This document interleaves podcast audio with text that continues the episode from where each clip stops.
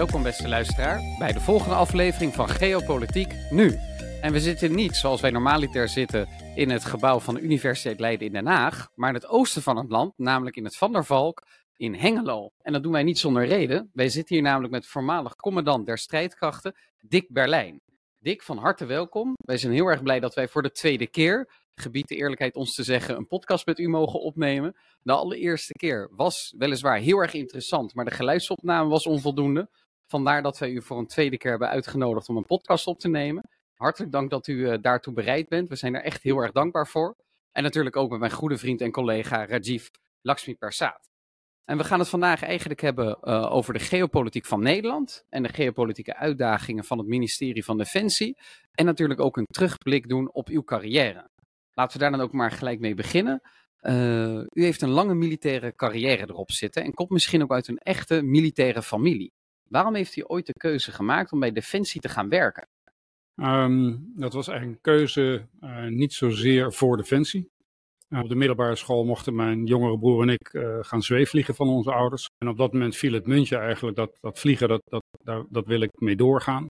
Door mijn verkeerde schoolkeuze, ik had HBS-A in plaats van HBS-B, kon ik niet naar de RLS, toen de, de Rijksluchtvaartschool. Dus civiel vlieger worden. En de enige manier om nog vlieger te worden was via het militaire traject. en dat kon dus wel. Uh, en ik ben naar de KMA gegaan, uh, later naar Canada voor de vliegopleiding. En ik heb overigens nooit spijt gehad van de keuze voor het militaire traject. Want ja, dan groei je daarin en dan blijkt toch dat het iets is wat bij je past. En waarom past het bij u? dat is een ingewikkelde vraag. Het is het, het, het leven, de functies, de dingen die je doet. de verbondenheid met elkaar, het enorme het doelgerichte werken van Defensie. Dat bleek iets te zijn wat, ja, wat bij mij past. Dus u wilde eigenlijk uh, piloot worden. Dat kon niet omdat u koos voor uh, HBS-A in plaats van HBS-B. En toen eigenlijk uit een soort noodoplossing voor Defensie gekozen. Uh, en uiteindelijk uitgegroeid tot de hoogste baas van Defensie. Het is nog een bewonderenswaardige carrière inderdaad. Dat is dan de commandant der strijdkrachten. Dat is de commandant der strijdkrachten, ja. dus de commandant der strijdkrachten die moet natuurlijk belangrijke militaire keuzes maken voor het land. Die speelt een heel voorname rol, ook denk ik als adviseur naar de ministersploeg toe. Is het dan ook zo dat als zij meer kennis hebben van een bepaald land, dat zij dan ook betere keuzes maken? En heeft u wel eens het idee gehad dat het aan kennis tekort is geschoten in het verleden? Op dat moment heb je dat gevoel niet. Achteraf denk ik dat wij, met name bijvoorbeeld met Rusland, uh, als NAVO, als Westen, toch veel eerder de signalen uh, op hadden moeten kunnen pikken die, die Rusland gaf. Ofwel, we hebben het niet willen zien, of we hebben gedacht van het zal wel meevallen. Uh, het Westen heeft natuurlijk heel lang uh, gewacht met, met een, een, adequaat beleid tegen deze steeds agressiever wordende uh, tsaar, om het zo maar te zeggen.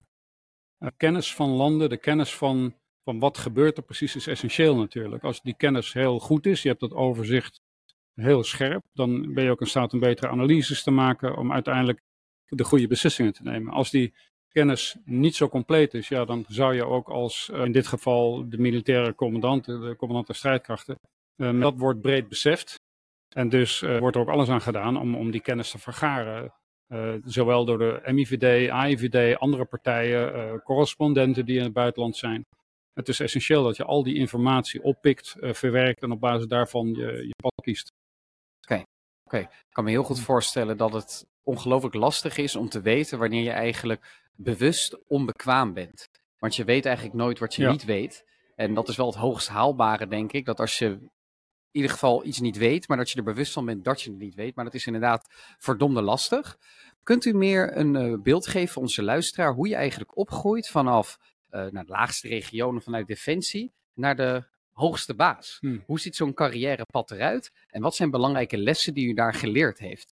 Nou ja, je begint uh, als je naar Defensie gaat altijd gericht op jouw vak. In mijn geval was dat uh, vliegen, gevechtsvlieger.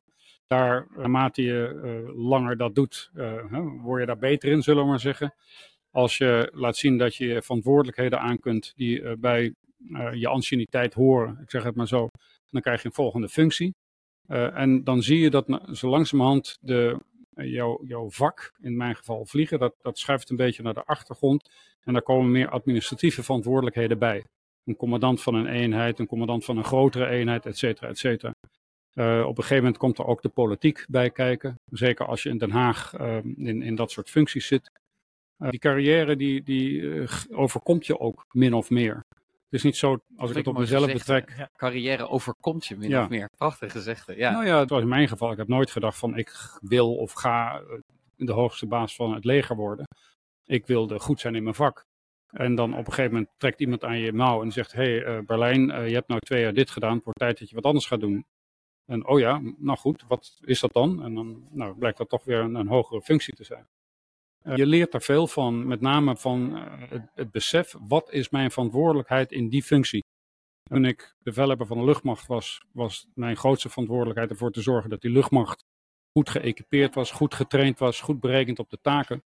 Als je commandant door strijdkrachten wordt, en dan komt dus ook de marine en de landmacht komt onder je bevelen, moet je er ook voor zorgen dat die delen van de krijgsmacht goed zijn. En dan laat je dus een beetje, in mijn geval het blauw, laat je achter je van je uniform. Doordat je weet van, ja, ik ben ook verantwoordelijk voor die landmacht en de marine, moet je ook daarvoor uh, gaan staan. Dus het besef, wat is mijn rol, welke verantwoordelijkheden horen hierbij, is wel een hele duidelijke les, zo, zo je wilt. Dus de verantwoordelijkheden binnen Defensie worden heel scherp afgebakend. Ook een sterk hiërarchisch karakter, kan ik me voorstellen. Ja. Toch zijn er verschillende onderdelen binnen de krijgsmacht. We hebben natuurlijk een luchtmacht, we hebben een uh, landmacht, we hebben een marine. Uh, zie je ook verschillende culturen terug binnen Defensie? En hoe kenmerkt dat eigenlijk de Defensieorganisatie? En hoe ga je daarmee om als hoogste baas? Ja, dat, dat is zeker zo. Um, het is zeker niet zo dat Defensie op alle plekken er hetzelfde uitziet. Hè? Als je naar de, de marine kijkt, landmacht kijkt, luchtmacht kijkt, we hebben andere kleuren uniformen. Zelfs binnen die krijgsmachtdelen. Kijk naar de landmacht bijvoorbeeld. Je hebt de zwarte beretten van de cavaleristen, je hebt de groene beretten van de commando's, je hebt rode beretten van de luchtmobiele brigade, et cetera. Dus ook binnen die eenheden heb je weer sub-elementen. En al die sub-elementen, als ik ze zomaar even noem, die ontwikkelen een eigen cultuur. En, dat, en die cultuur is eigenlijk een gevolg van uh, het, het doel wat, wat, wat die deelorganisatie heeft. En die is daar, uh, dat is zeer functioneel. En je kunt zich voorstellen dat bijvoorbeeld de cultuur aan boord van een onderzeeboot een hele andere is dan bijvoorbeeld de cultuur van een, uh, een, een peloton infanteristen. het werk wat die twee verschillende organisaties doen is totaal verschillend. En dus zie je ook dat de manier waarop mensen omgaan in een onderzeeboot heel afwijkt van hoe de mensen omgaan in zo'n peloton infanteristen. Hoe ga je daarmee om? Door vooral je te realiseren dat die culturen belang zijn, belangrijk zijn voor die eenheid. En daar moet je dus niet, als je dat zou willen zeggen, we maken daar een eenheidsworst van. Iedereen gaat zich op dezelfde manier kleden, op dezelfde manier gedragen. Dat zou de grootste fout zijn die je als commandant zou maken. Je moet uh, de functionaliteit van die, van, de, van, van die cultuur onderkennen. Uh, dat wil niet zeggen dat je alles tolereert. Uh, het kan ook zijn dat culturen op een gegeven moment ontsporen. En dat er dingen gebeuren die niet goed zijn, ook niet goed zijn voor het bereiken van het doel van die eenheid. Heeft u en dan moet voorbeelden bij dat culturen zijn ontspoord? Bij nou defensie? ja, laten we zeggen dat, dat er soms sprake was van gedrag, onwenselijk gedrag, zoals we dat tegenwoordig noemen. En, en, dan moet je daar tegen optreden. Dan kan je niet zeggen, ja, kijk eens, die club die gaat nou één keer anders met elkaar om. Dus uh, ik doe een oogje dicht als daar bijvoorbeeld uh, ongewenst gedrag ten opzichte van vrouwelijke collega's optreedt. Ja, dat kan natuurlijk helemaal ding, niet. Kan ik herinneren. Sorry? Een tijdje was dat inderdaad een, een zaak. Nou, het is altijd iets waar, waar commandanten voor op moeten letten. Overal waar, je, waar gezags, uh, structuren zijn. Dat is niet uniek binnen Defensie, dat heb je ook bij de politie, dat heb je zelfs op uh, brandweer, andere brandweer, scholen. Universiteit. Overal waar je gezagsverhoudingen hebt, moet je uh, alert zijn op uh, dat, dat zaken binnen de goede banen blijven lopen. Ja. Oké, helder. Dus die functionaliteit die elke cultuur eigenlijk typeert, die versterkt Defensie ook, mits ze maar niet ontsporen. Ik denk dat dat een heel belangrijke les ook is. En dan gaan we nu weer de stap zetten, denk ik, naar de geopolitieke uitdagingen van Nederland. Kunt u uw eigen visie geven op wat de grootste politieke uitdagingen zijn voor ons mooie kleine landje? Ik denk dan dat je vooral moet kijken van wat gebeurt er natuurlijk in, in Oekraïne, in, in Rusland. Uh, we hebben lang gedacht dat, dat Rusland wel een, een, een prettig land was wat zich zou gaan, verder gaan ontwikkelen, een soort van een democratie zou worden. Daar hebben we ons in ieder geval behoorlijk in vergist, zeker uh, voor de overzichtelijke toekomst, om het zo maar te zeggen. Het betekent dat we rekening moeten houden dat toch aan het oosten van, van de Europese Unie we rekening moeten houden met een, een, een, een, een agressieve actor. het zal niet zo stabiel zijn zoals we altijd hebben gedacht. Ook in de toekomst zijn er mogelijkheden dat er toch dingen blijven rommelen. Minderheden mogelijk worden opgezet. Nou, minderheden dan Russische minderheden in de Baltische, Baltische staten. Ja. Bijvoorbeeld. Dus dat hebben we ook in het verleden gezien. Dat is een beetje toch een, een manier van opereren wat, wat, wat Rusland eerder heeft uh, getoond. Dus dat is één deel. Maar wat nog veel belangrijker is, wat eigenlijk nog op een hoger niveau speelt, dat is natuurlijk als Rusland uh, zegeviert in Oekraïne. En hoe dat zegevieren eruit ziet, dat moeten we dan nog gaan meemaken. Maar als, hij, als Rusland er echt als winnaar uitkomt, dan zal het ook een effect hebben op wat, hoe gedragen andere uh, totalitaire uh, leiders zich. Met name natuurlijk kijken we dan naar China. We kijken naar het Midden-Oosten, wat gebeurt daar allemaal. Dus als Rusland hier als, als de sterke partij uitkomt, dan zal het ook een verdere consequentie hebben over, voor meer geopolitieke verhoudingen. Als het omgekeerde waar is, als Rusland niet slaagt in het bereiken van zijn doel, dan zal dat ook een signaal zijn voor die andere regimes. Dan zal het mogelijk het Westen toch daar als als geheel sterker uitkomen.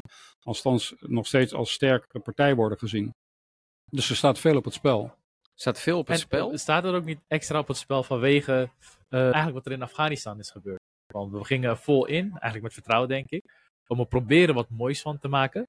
Uh, ja, helaas is dat niet gelukt. En het zou een tweede ja, nederlaag, als we het zo mogen noemen, zo ook zo vlak achter elkaar, uh, iets doen met het westers beeld in de wereld. Ja, dat zou je misschien zo kunnen zeggen. Uh, Afghanistan, het, het, het, debakel in Afghanistan heeft de, de, de, autoriteit van het Westen geen goed gedaan. Dat kun je zeker zo zeggen.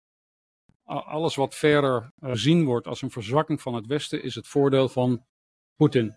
Of het nou uh, de brexit was, of nou het, de, de, grote meningsverschillen in West-Europa, laten we zeggen de positie van Orbán ten opzichte van het steunpakket, dat wordt allemaal gezien als verzwakking van het Westen.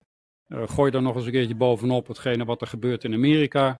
De verzwakte leiderschapsrol, die zo essentieel is voor, voor de NAVO.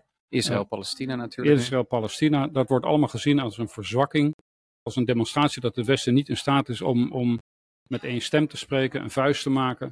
En dat nogmaals is allemaal, wordt, zal Poetin uitleggen van kijk eens, ik, ik, ik kan nog wel een gokje wagen. Ik ben toch sterker, ik kom hier als sterkste uit. En dat is niet in het voordeel van uh, de gewenste stabiliteit. Het stoppen van de oorlog in Oekraïne natuurlijk. Dus het, de grootste geopolitieke uitdaging is overduidelijk het gevaar dat Rusland vormt voor Oekraïne en de rest van Europa. Maar ook de consequenties van een eventuele nederlaag moeten absoluut niet onderschat worden, geeft u aan. En stelt ons eigenlijk bloot aan nog meer gevaren wereldwijd als het gaat om Taiwan, maar ook Iran in het Midden-Oosten bijvoorbeeld. Uh, dus ik kan me voorstellen dat voor Westen alles aan gelegen is om uh, Oekraïne van voldoende steun te voorzien. Heeft u op dit moment het idee dat het Westen en dan ook Europa als onderdeel van het Westen, als een soort van autonome actor daarin, voldoende steun aan het geven zijn aan Oekraïne? Of denkt u dat wij toch tekort gaan schieten? Nou, er wordt natuurlijk op dit moment veel over gesproken. Over uh, moet Europa dan uh, 50 miljard leveren aan Oekraïne? Nou, Orbán heeft daar duidelijk van gezegd wat hij daarvan vindt. Uh, Fico van Slowakije die, die is daar ook niet helemaal enthousiast voor.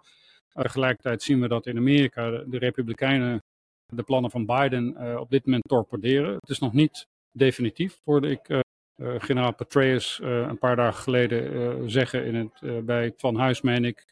Want er wordt nog over gediscussieerd. Gaan de, gaat Biden toch in staat zijn om voor de Republikeinen iets, iets te doen aan de, aan de zuidgrens in Mexico, zodat de Republikeinen ook meegaan in het steunpakket? Ja, dat moet nog maar blijken welke kant het op gaat. Maar het feit al dat er heftig over wordt gediscussieerd, is wederom iets wat in het voordeel speelt van Rusland. En dat zou eigenlijk anders moeten. Als Westen moeten we eigenlijk zien het enorme eh, tactische, maar ook strategische consequentie van het verliezen door Oekraïne van deze oorlog. Dat moeten we, dat, dat, dat moeten we veel beter uh, onder ogen of, of begrijpen, laat ik het zo zeggen. En zou niet moeten leiden tot een heftige discussie. Moeten we wel doorgaan met het steunen van Oekraïne. Helder. Heeft u het idee dat de breuklijnen die zo langzamerhand wel zichtbaar worden in het Westen, Poetin en Rusland en misschien ook Xi Jinping en China ook wat zuurstof geven van, ah, misschien gaan wij het op de lange termijn wel volhouden ten opzichte van het Westen? Dat, dat is het helemaal. Um, we weten allemaal dat Rusland, maar ook China en ook andere landen, uh, de BRICS uh, plus, eigenlijk niet langer tolereren de, de, ja, de, de unipolaire wereld, om het zo maar te zeggen. De, de, de wereld waarin toch Amerika, gevolgd door West-Europa voor een groot deel, ja, de zaken bepaalt. Daar willen ze vanaf. En die coalitie, die, die, dus die coalitie van Rusland en China en de BRICS, die voelt zich sterker worden naarmate het Westen minder kan doen, minder laat zien in Oekraïne. Uh, en dat is iets waar, vind ik, ons zorgen over moeten maken. Dat zal niet morgen betekenen dat er iets anders uh, is, maar het zal betekenen dat onze vrijheid van handelen als Westen anders zal gaan worden zoals we die nu kennen. Oké, okay, dus die afkalving die dreigt, uh, een invloed van het Westen en ook onze vrije wereld, om het zo maar te zeggen. Als het gaat om vrij verkeer van personen, maar ook van ideeën, vrije democratie en ook van handel. En dat heeft natuurlijk directe economische implicaties. Als we dan kijken op dit moment, uh, opteert Europa dan voor, nou laten we die steun dan geven uh, aan Oekraïne. En dan zijn er toch wat breuklijnen zichtbaar. Waarom denk, denkt u dat wij onvoldoende scherp hebben, zo nu en dan, als, als, als unitaire actor die het Westen dan te weinig is in dit geval, om duidelijk te hebben wat het gevaar is als die oorlog de Oekraïne verloren wordt? Waarom snappen wij niet wat de strategische consequenties daarvan zijn? Ja, dat is, een, dat is, dat is de grote vraag. Ik denk dat het deels te maken heeft met het feit dat wij in Europa al heel lang in vrede leven. Zo'n hele gewelddadige oorlog, dat kunnen we ons nauwelijks voorstellen. Als het al gebeurt, dan is dat toch meestal geweest wat verder weg. Nou, nu komt het dichterbij. En nog hebben wij problemen om te denken van, goh, het, is, het zou best zo kunnen gebeuren dat als Rusland hier als overwinnaar uitkomt, dat er wat in de Baltische Staten gaat gebeuren. Dat lijken we ons niet te beseffen. Of dat lijken we niet te beseffen. En dat is iets, eh, nogmaals, ik denk dat dat ten dele te maken heeft met het feit dat wij al zo lang in vrede leven. Uh, Zo'n hele brute dictator, dat hebben we eigenlijk niet meegemaakt. En dan denken we, ja, uh, het zal wel loslopen of uh, misschien dat toch de ratio overwint en dat, het, en dat Poetin toch op enig moment zal kiezen voor een wat meer prettige verhouding met het Westen. En ja, daar moeten we ons niet de kop voor in de zand steken. Dat zal niet gebeuren als, we, als wij niet blijven steun, steun leveren aan Oekraïne. Helder. Ja, ik vraag me mezelf ook wel zelf of het onderwijs hier ook een rol in speelt. Hebben wij de geschiedenis wel voldoende goed uitgelegd? En ook uh, als ik dan kijk naar universitaire opleiding, zoals bestuurskunde, waar wij natuurlijk doseren, Rajiv. Is het bij de hedendaagse en toekomstige beleidsmakers voldoende helder wat de strategische uh, importantie, belangrijkheid is, belang is van een uh, veilig Europa en dat wij ons te weer kunnen stellen tegen autoritaire krachten? Ik vraag me af of dat bewustzijn voldoende groot is. En als dat bewustzijn voldoende groot is, wat dan ook de prijs daarvan is. Want ik denk dat daar misschien ook nog wel een tekort zit. Dat wij weliswaar weten, ja, we moeten veilig blijven, we moeten Rusland buiten de deur houden, enzovoort, enzovoort. Maar dat wij soms niet helemaal bereid zijn de prijs dan ook te betalen die daarvoor nodig is. Want dit gaat natuurlijk ook geld kosten. Ja. En een langdurige uh, toewijding. Maar het is niet alleen een, een kwestie van onderwijs, hoewel uh, het kennen van de geschiedenis essentieel is. Het kennen van uh, wat er in het verleden is gebeurd is essentieel om te begrijpen wat, wat, wat de trends zijn. maar het heeft ook te maken met, met het verhaal over afschrikking. Wij lijken oh ja. niet erg te begrijpen dat wil, je, uh, uh, wil je veiligheid creëren voor jezelf, dan moet je voor een potentiële tegenstander duidelijk maken dat het absoluut niet loont om met jou dat gevecht aan te gaan. En dat heet afschrikking. Als ik sterk ben als Europa, als ik een, een geloofwaardige leger heb, wat over de juiste middelen, mensen, geld, oefenruimte beschikt, als, dat, als, als we dat waar kunnen maken, dan zal het voor Rusland een stuk moeilijker worden om te zeggen, nou weet je wat, ik ga eens wat proberen in het Balticum. Als Rusland ons nogmaals ziet als een verzwakt iemand, dan, zullen ze die, dan zal die keuze misschien voor Rusland makkelijker te maken zijn. Kortom, we moeten begrijpen wat afschrikking betekent. En afschrikking betekent, in mijn geval, geloof ik, uh, ik denk dat wij allemaal het erover eens zijn dat we graag in een veilig, stabiel Europa willen leven. Wij willen niet te maken krijgen met een, een, uh, een oorlog hè, zoals we dat in Oekraïne zien. Ja, dan moet je bereid zijn een, een leger op te bouwen dat afschrikt. En niet om daarmee een andere oorlog uit te lokken. Nee, het tegenovergestelde juist. Om te zorgen dat die andere partij het nooit in zijn hoofd haalt om die oorlog te beginnen. Dat is eigenlijk wat veel landen in de wereld doen. Ik denk dat Polen daarmee bezig is. Met enorme uitbreidingen in hun uh, leger. Ik weet van Singapore. Dat zij zo hun leger hebben opgebouwd van. Ja, je kan ons veroveren, maar dat komt met een te grote prijs. Het ja. kost gewoon. Uh, ja, het is het niet meer waard. Nou, als we dan hebben, we moeten als Europa sterker worden. Dan denk ik gelijk aan het woord, abstracte woord, strategische autonomie. Dat hoor je de laatste tijd heel veel. Vaak weten mensen niet precies wat het betekent of wat we dan concreet moeten doen. Uh, maar als we binnen de EU kijken, dan zien we vaak twee lijnen van denken. Eén lijn denkt van we moeten ervoor zorgen dat we nog steeds een heel goede relatie behouden met Amerika en onze defensie vooral daarop inrichten. Echt op een soort van de transatlantische manier van denken. Misschien zoals in Nederland, Engeland of van Polen dan doet. En dan heb je landen als Frankrijk, Duitsland, misschien Italië, die meer op de ja, continentaal-Europese lijn van denken zitten van we moeten binnen Europa een eigen defensieindustrie opbouwen. Ja, hoe denken jullie eigenlijk? Wat zou Nederland moeten doen? Of wat denk je dat verstandig is als hmm. Europa? Nou, tot voor kort uh, dachten we allemaal dat uh, die belangrijke rol van Amerika er eeuwig zou zijn. Door gebeurtenissen, recente gebeurtenissen, maar ook het vorige, de vorige president is ons duidelijk geworden dat dat eeuwige misschien niet e-, echt eeuwig is. En dat we als Europa toch meer rekening moeten houden dat, dat die paraplu van Amerika er op enig moment niet is. En dat we zelf dus meer capaciteiten moeten ontwikkelen. Zodat als op een gegeven moment die leiderschapsrol van Amerika wegvalt, dat we niet meteen volledig uh, prooi zijn voor, voor bijvoorbeeld Rusland. Dat, en dat is die strategische autonomie. Wij moeten in staat zijn om zelf meer onze broek op te houden. Daar hoort bij ook dat je een defensieindustrie hebt. Althans, als je, uh, als je beseft dat uh, bijvoorbeeld uh, bepaalde middelen die je nodig hebt, niet van een leverantiezekerheid, hoe zeg ik dat, dat je niet zeker bent van het verkrijgen van de capaciteiten uit Amerika, dan zul je moeten zorgen dat je die capaciteiten zelf okay. opbouwt. Hetzelfde geldt overigens ten aanzien van andere zaken, hè, over dataveiligheid, uh, medicijnen die wij uh, uit het buitenland moeten betrekken, waarvan we niet zeker zijn dat die leverzekerheid er altijd is. Als, als je vindt dat die situatie zich niet goed ontwikkelt, dan moet je ervoor zorgen dat je dat zelf kunt doen. Ja, bij COVID hadden we dat bijvoorbeeld gezien. Omdat we zelf heel veel vaccins niet meer maken, toen kwam ook pas het bewustzijn, oh, dus ook op andere sectoren moeten we strategisch autonoom zijn. Ja, we hebben kennelijk gedacht dat al die zaken uh, die in die geglobaliseerde wereld uh, altijd voorhanden zouden zijn, uh, dat die zaken niet altijd voorhanden zijn. En dan, en dan, zeg je, dan zie je dus dat we, dat we ineens merken dat we op bepaalde flanken een beetje bloot zijn. En dan moet je die weer versterken. Dus die strategische autonomie moeten we zien in het veranderen geopolitieke landschap. De, de veranderingen in Amerika, maar ook de veranderingen in Rusland en China. Mogen wij in die zin dan ook wel eens afbreuk doen aan die relatie met Amerika? Juist om zelf strategischer autonoom te worden. Want dat is denk ik uiteindelijk het ultieme dilemma. Mogen wij af en toe schade berokkenen, natuurlijk op een gecontroleerde, gecalculeerde wijze, aan die relatie met Amerika, opdat wij uiteindelijk zelf als Europese Unie of als Europa nog breder strategisch autonoom kunnen worden? Hmm. Kijk, het prachtige Europa heeft dat Amerikaanse leiderschap eigenlijk altijd enorm nodig gehad om ja. Europa bij elkaar te houden.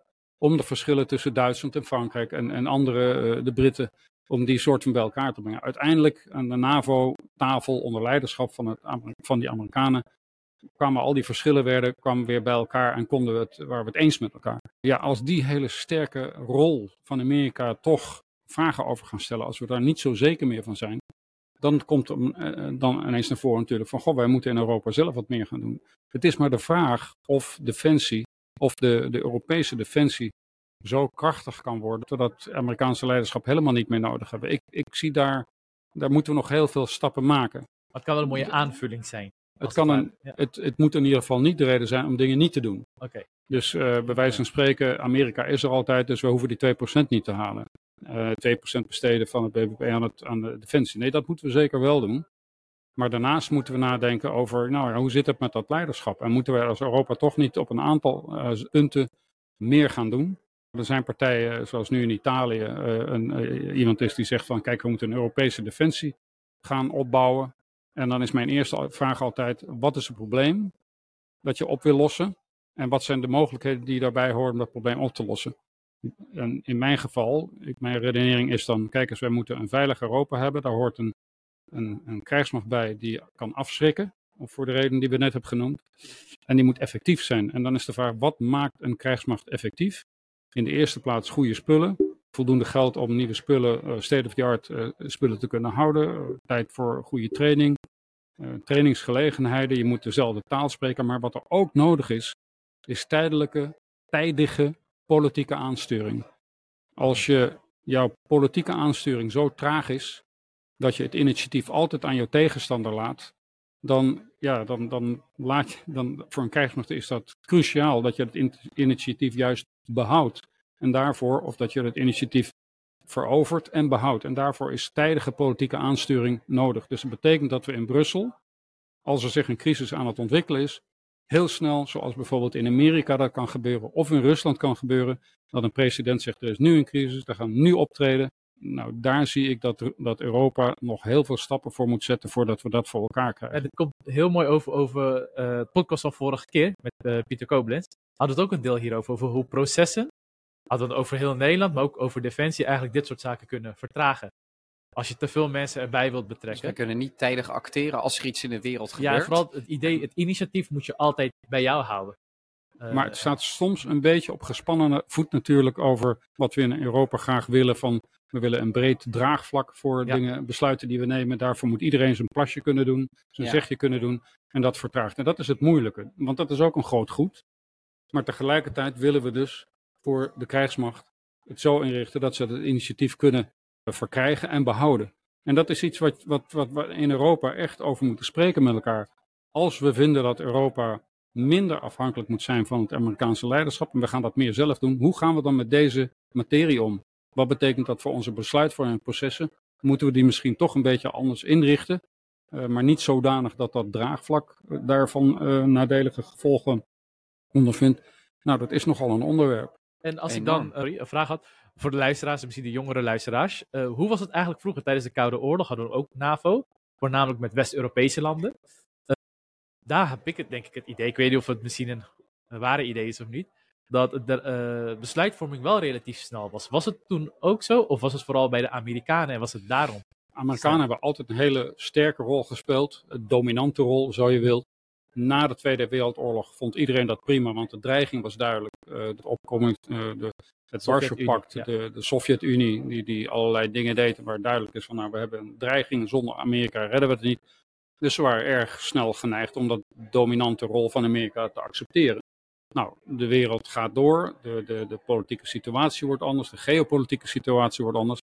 Nu zien we zelfs dat Amerika zelf zegt van nou ja, Europa moet maar wat meer zijn eigen broek op gaan houden. Dat was uh, onder Obama was het, begon het al een beetje.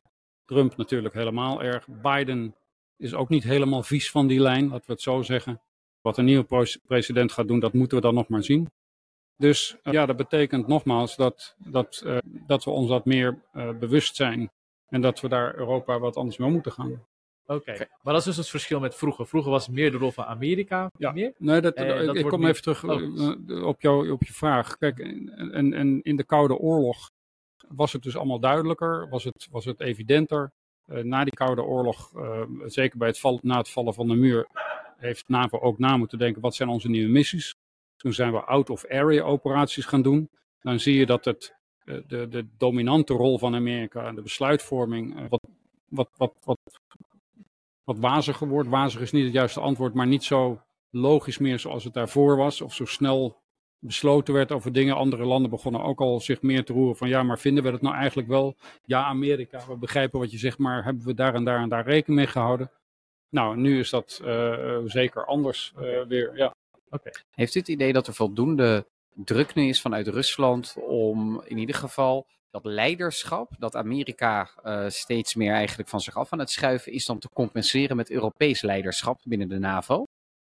Dat Rusland dat vindt? Dat nee, nee, dat wij dat vinden. Dat zien we nu door de dreiging van Rusland in Oekraïne. Heeft u het idee dat daardoor leiderschap in Europa nu voldoende eenduidige doelstelling uh, heeft, zo langzamerhand? En natuurlijk gaat het met allerlei breuklijnen en met vallen en opstaan, om dat terugtrekkende Amerika en leiderschap daarvan wat te gaan compenseren binnen de NAVO? Nou ja, je ziet dat, dat uh, binnen Europa, de, dat besef is er. Dat moeten we uh, gaan, gaan, gaan invullen, dat, dat vacuüm zo je wilt. Maar hoe gaan we dat doen? En daar zijn we nog niet uit. En af en toe is er een president die zegt, ja. uh, zoals Macron, die het naar zich toe trekt en, en toch een meer een sterke rol wil zien voor Frankrijk, misschien ook wel Duitsland. En dan is Duitsland die denkt daar weer wat anders over. Kortom, we zitten midden in die discussie. Uh, dat, we zitten midden in dat proces. En hoe dat proces uiteindelijk vorm gaat, uh, gaat krijgen, wat de uitkomst gaat zijn, dat, dat vind ik heel moeilijk om daar nu een, een, een voorspelling van te doen. Ja. Ik denk ook dat het te maken heeft met vertrouwen. Want we hadden een keer een podcast over Oost-Europa en over Polen. En uh, wat wij merkten is dat in Poolse gedachten vooral is dat ze denken van kunnen we West-Europa wel vertrouwen? Met name Als het er echt om gaat. Als het er echt op aankomt. En bij de Amerikanen hebben ze het idee van wel. Ik weet niet of de Tweede Wereldoorlog nog een rol speelt, want dan weet ik nog dat Frankrijk hun eigenlijk in de steek had gelaten, ondanks afspraken. Dus ik denk dat dat misschien ook een rol speelt. Van, We moeten onderling vertrouwen kweken en een Ja. duidelijke doelstelling hebben. U gaf het in het begin van deze aflevering ook aan dat bij Defensie het goede was dat je heel duidelijk weet wat jouw verantwoordelijkheid is en dat dat heel scherp afgebakend is. Ik heb het idee dat na de Koude Oorlog die verantwoordelijkheid van de NAVO en van onze defensiemachten ook onvoldoende helder was, omdat er niet een duidelijk dreigingsbeeld was. Exact. Nu is Dat dreigingsbeeld er wel, Ja. maar zien we dat Amerika zich terugtrekt? Ja, Ja. dan zit je inderdaad in wat u net dan zei, vacuüm, maar misschien moet je een ander woord geven, zitten Hmm. op de weg naar nieuw leiderschap. Ja. Laat ik het zomaar Nee, formuleren. ik denk dat het absoluut zo is. Nogmaals, die dreiging die is heel lang weg geweest. Hebben we niet gezien. Was er misschien ook niet. En nu is dat aan het veranderen. En nu hebben we, ja, we, hebben, we zijn traag om, om wat A, goed te begrijpen, onder ogen te zien. En de consequenties daarvan, wat betekent het voor Europa? Wat betekent het voor Europa als Amerika daar nu een andere positie in heeft? We hebben moeite om dat nu al eh, helemaal eh, te overzien en de consequenties van te aanvaarden, denk ik. Oké, dan hebben we nu uitgebreid de westerse reactie op de Oekraïne-oorlog eh, besproken. Maar er zijn natuurlijk nog meer elementen die de trend in de oorlog voorspellen. Kunt u aangeven welke andere factoren een belangrijke rol spelen in het eh, voortduwen van de trend in de oorlog vanuit Rusland eh, naar Oekraïne? Ja, ik, ik denk dat er een aantal factoren zijn die je goed in de gaten moet houden. Ehm, ik denk dat niemand de, de uitkomst van de oorlog kan voorspellen. Uh, maar er zijn een aantal dingen waar je goed op moet letten. En een daarvan is natuurlijk wat gebeurt er in Oekraïne zelf. Hoe stevig zitten ze nog in het zadel? Hoe hoog is het moreel nog? En zijn ze bereid om door te blijven vechten? Wat mij opvalt ten aanzien van dit aspect is dat je ziet dat allerlei partijen die vroeger toch wat meer genuanceerd over Rusland denken, nu echt zeggen van Rusland is de vijand, we zijn Oekraïne, we willen ons land verdedigen, onze steden worden gebombardeerd, onze gezinnen worden bedreigd. Ik blijf doorvechten. Dus dat zit wel goed, denk ik. Maar dat moreel dat zal heel erg uh, benadeeld kunnen worden door het tweede belangrijke uh, aspect. En dat is namelijk wat blijft het Westen uh, Oekraïne steunen. Nou, daar hebben we het net al over gehad. In Europa zelf zijn er discussies over, moeten we dat blijven doen?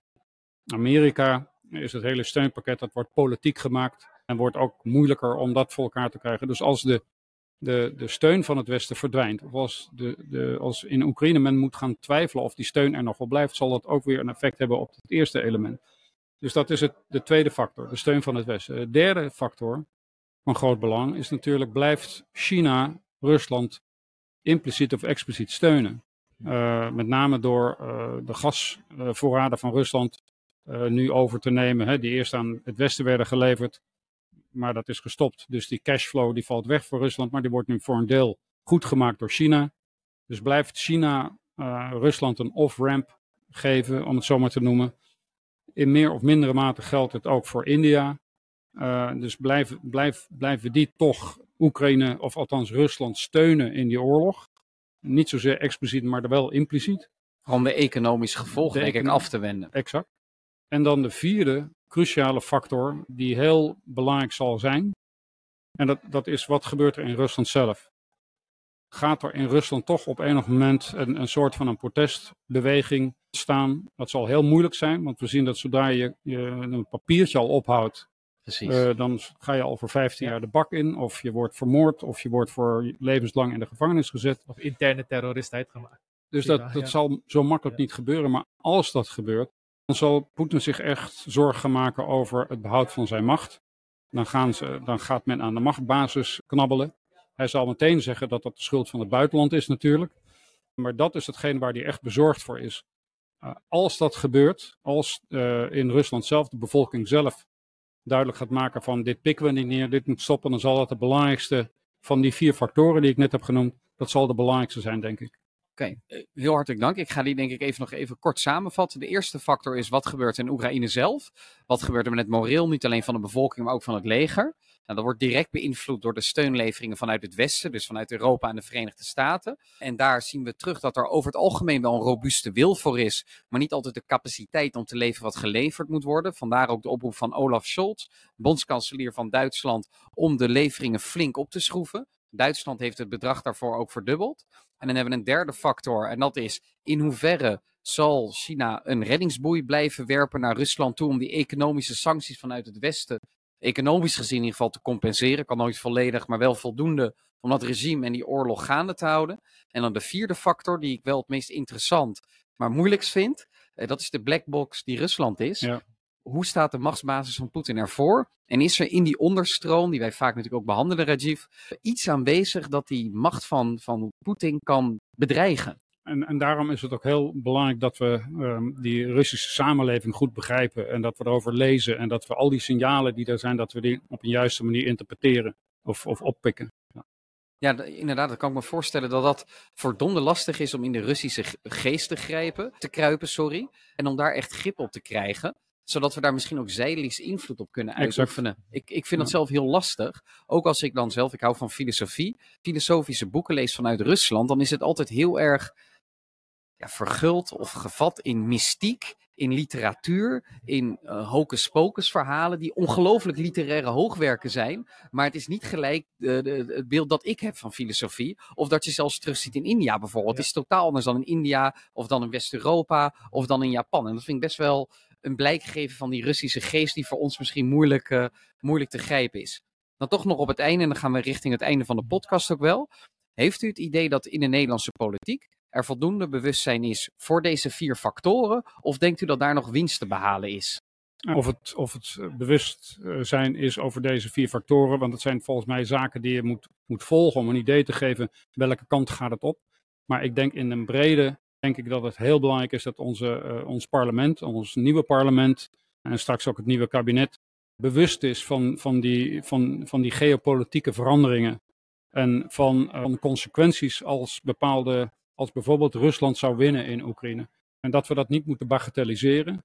Dat we ook moeten durven begrijpen die, die, die verschrikkingen eigenlijk die we liever niet willen zien. En, en bereid moeten zijn om toch na te denken van als zoiets hier gebeurt, hoe zijn we daarop voorbereid? En, en als we dat niet willen, wat zijn de consequenties dan? En, en hoe gaan we dat invullen? Daar moeten we heel erg alert op blijven. En ik denk ook, gelet op die uh, verdere strategische ontwikkelingen waar we het over hadden, dat we dat niet moeten bagatelliseren. Dat we dat helder onder ogen moeten zien.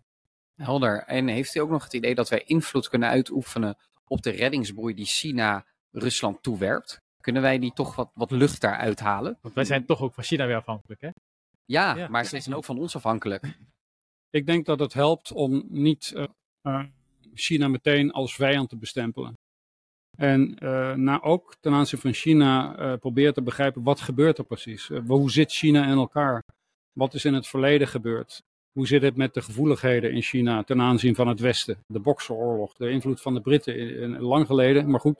Dus opiumoorlogen. Dus hoe, om dat goed te begrijpen, ook de, de, de belangen van het huidige China te begrijpen. En dat betekent dat we niet alles goedkeuren.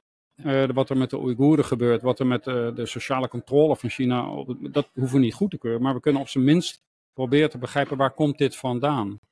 En vanuit dat bredere begrip dan misschien, en ook te begrijpen waar liggen dan wel de gemeenschappelijke belangen, daar op een andere manier mee om te gaan dan alleen maar te zeggen het is een vijand of ze steunen Rusland en ze zijn dus een vijand.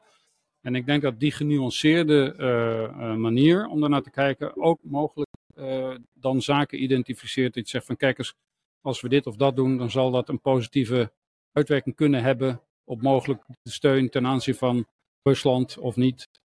Vreest u in die zin dan ook wel dat het enige wat de Republikeinen en de Democraten in Amerika bindt, is vijandschap tegenover China? Want daar bepleit je dan toch eigenlijk een ja. andere lijn ja. dan de Republikeinen en de Democraten. Ja, ik, ik, ik vind dat, ja, ik geloof dat dat zo is. En ja, het opkomende China heeft een aantal dingen veranderd. Uh, maar verandering hoef je niet per se uit te leggen als een bedreiging. Nee. En dat gebeurt voor een groot deel wel in Amerika, uh, is mijn idee. En ja, om je een idee te geven. In het verleden bouwde Amerika alleen uh, de zaken op het gebied van informatica. Nu doet China dat ook. Toen Amerika dat alleen deed, was Amerika ook in staat om in alle geheime doosjes te kijken en, en dingen te manipuleren, zo je wilt. Daar is nu een andere speler bijgekomen, China, die een eigen technologie ontwikkelt. En ineens ziet Amerika dat ze bepaalde dingen niet meer kunnen bekijken of kunnen manipuleren. Dat kun je dus uitleggen als een bedreiging. Je kunt ook zeggen van uh, het is een andere realiteit en hoe ga ik daarmee om en hoe ga ik me daarmee verhouden. Uh, en uiteindelijk, ja, we hebben één planeet. We zullen het uiteindelijk met elkaar moeten vinden. En, en dat kan ook betekenen dat we een aantal zaken die we zelf in het Westen heel lang voor normaal hebben gehouden, toch op een wat andere manier moeten gaan uh, beschouwen. En dan denkt u dat dit uiteindelijk ook een soort van extra breuk of afstand kan realiseren tussen Amerika en Europa? Namelijk dat wij als Europa China toch net ietsje anders gaan zien dan Amerika?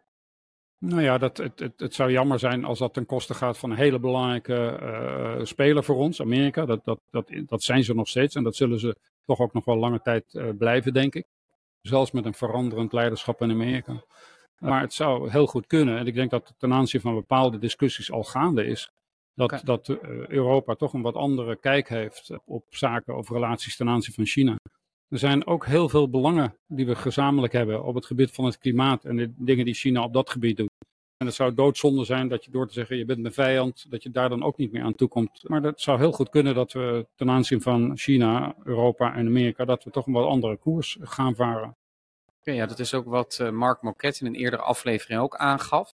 Uh, namelijk dat wij inderdaad de Amerikaanse lijn grosso modo nog wel zullen blijven volgen. Maar dat we moeten proberen in de marge die de veiligheidsrelatie toestaat. Om toch nog samenwerking op te zoeken op economische terreinen. Dan niet gelijk op Ja. ASML, Ja. geven ASML uit handen. Maar eerder kunnen we een bepaalde handel nog blijven drijven. En ook op klimaatverandering bestrijden. Ja. Ja, ik, ik, ik, moet- ik moet ineens denken aan, aan een aantal zaken die Amerika in het recente verleden heeft gedaan ten aanzien van China. Eh, bijvoorbeeld dat bezoek van Pelosi aan, eh, aan Taiwan. Ik heb me werkelijk afgevraagd, wat is daar nou het nut van geweest? Dat, en dat is natuurlijk niet de Amerikaanse regering, maar laten we zo zeggen, het is wel, Amerika heeft het niet verboden aan Pelosi om daar naartoe te gaan. Maar wat is nou het effect daarvan geweest? Eh, Ik kan me geen positief effect eh, voor de geest halen van die actie van Pelosi. En ik vind dat eh, als je dingen doet, dan doe je dat om een bepaald effect te creëren. Nou, en het was zo'n effect waar, waarvan ik zeg van wat, wat heeft dit nou gediend? Het heeft verder de spanningen in die regio vergroot. Het heeft een, een, een, als je dat zou willen, een, een toch wat, wat een, een nog agressievere houding van China ten aanzien van Taiwan laten zien. Met oefeningen, met, met oh, zelfs nu nog doorwerkend. Dus als je dingen doet, dan moet je in gedachten hebben, wat, wat is het effect dat ik daarmee be- wil bereiken? Als je dus ja, een verdere confrontatie opzoekt, omdat je een confrontatie wil, dan moet je dit soort dingen doen. Als je dat niet wil, dan moet je dit soort dingen niet doen. Dus, eh, dus dat is een escalerende daad. dat is escalerend. provocatief. En ik denk dat als je, net zo goed als je een wespennest hebt, dan kan je er met een stok op slaan en dan krijg je eh, boze wespen. Dat, dat werkt niet. Dus je moet nadenken over wat wil ik nou bereiken? Wat is mijn, wat is mijn lange termijn strategie? Wat is daar ondersteunend aan en wat zijn de activiteiten die ik daarvoor moet ontwikkelen? Ook het ontvangen van het uh, Taiwanese parlementariërs in, in een tijd terug in Amerika vind ik en niet een slimme zet. Als je tenminste wil dat, die, dat er een mogelijkheid blijft om de relatie met China toch op een bepaalde manier ten positieve te draaien. Maar aan de andere kant, denk ik, zou je kunnen denken, moeten we juist niet bullies of pestkoppen hun zin geven? Want zo zou toch misschien ook worden gedacht over eh, Poetin in Oekraïne. Want hebben wij als Westen niet hem misschien, eh, hoe noemen ze dat? Gepookt. Te lang gepaaid. te lang gepaaid. En ik denk dat dit misschien een reden zou zijn voor Pelosi van, we moeten ook aan de wereld en China laten zien van, we gaan dictators niet paaien.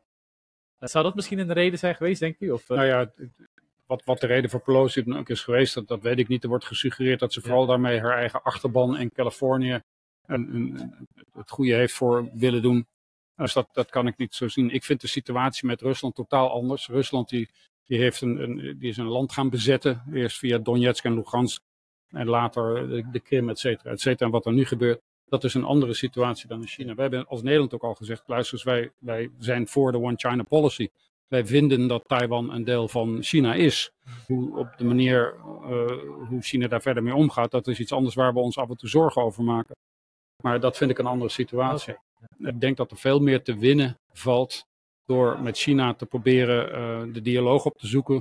Dan nu te zeggen van luister eens, eh, we zijn jullie vijand en that's it. Inderdaad. Oké, dat, dat begrijp ik goed. Eh, inderdaad, wat Rajiv ook aangeeft, misschien geven we ook wel een bepaalde steun aan landen als Japan, eh, Zuid-Korea en Taiwan. Voor zover Taiwan natuurlijk een land is. Ik ken de gevoeligheden wat dat betreft. eh, dat ze weten dat het Westen achter hen staat. Maar als je een bepaalde daad doet die vooral escalerend werkt, dan moet je ook wel weten welk effect je aan het sorteren bent. Want anders ben je eigenlijk die, die, die stok aan het poken in een wespennest. En dat is onverstandig. Heb ik nog één, één laatste vraag. Uh, en dat is eigenlijk, dan gaan we de cirkel denk ik rondmaken. En dat is namelijk de relatie van defensie met onze samenleving. Heeft u het idee dat sinds de militaire dienstplicht is afgeschaft, Defensie nog wel voldoende midden in de samenleving staat? Want ik heb mezelf wel eens afgevraagd en in eerdere podcasts ook wel eens gezegd, decennia lang is er bezuinigd geweest op Defensie. Dat heeft natuurlijk te maken met afnemend dreigingsbeeld, andere geopolitieke realiteit, grote economische noodzaak om te bezuinigen überhaupt. Dat hebben we 10, 15 jaar geleden natuurlijk gezien. Uh, maar het heeft ook te maken gehad, denk ik, met dat welke rol defensie speelt in onze samenleving onvoldoende helder was. Niet alleen voor de politiek, maar ook voor ons als samenleving. Dus hebben wij voldoende relatie als volk, als Nederlandse burgers, met defensie? Ja, daar, kan je op verschillende manieren uh, tegen aankijken. Ik denk dat als je ziet op welke manier defensie wordt bejegend in de samenleving, dat dat helemaal niet verkeerd is. Uh, dus ik zie niet dat, dat de samenleving onverschillig is ten opzichte van defensie. Iets anders is die discussie over, begrijpen wij nou wel wat in die geopolitieke omgeving aan het veranderen is? En begrijpen wij nou wel dat willen wij in uh, en vree in uh, dit deel van de wereld blijven leven, dat je, uh, dat je niet naïef moet zijn. En dat je ook dat idee van, van het afschrikken van een geweld, wat mogelijk jouw kant op komt, dat dat, dat dat een reëel iets is en dat dat consequentie heeft.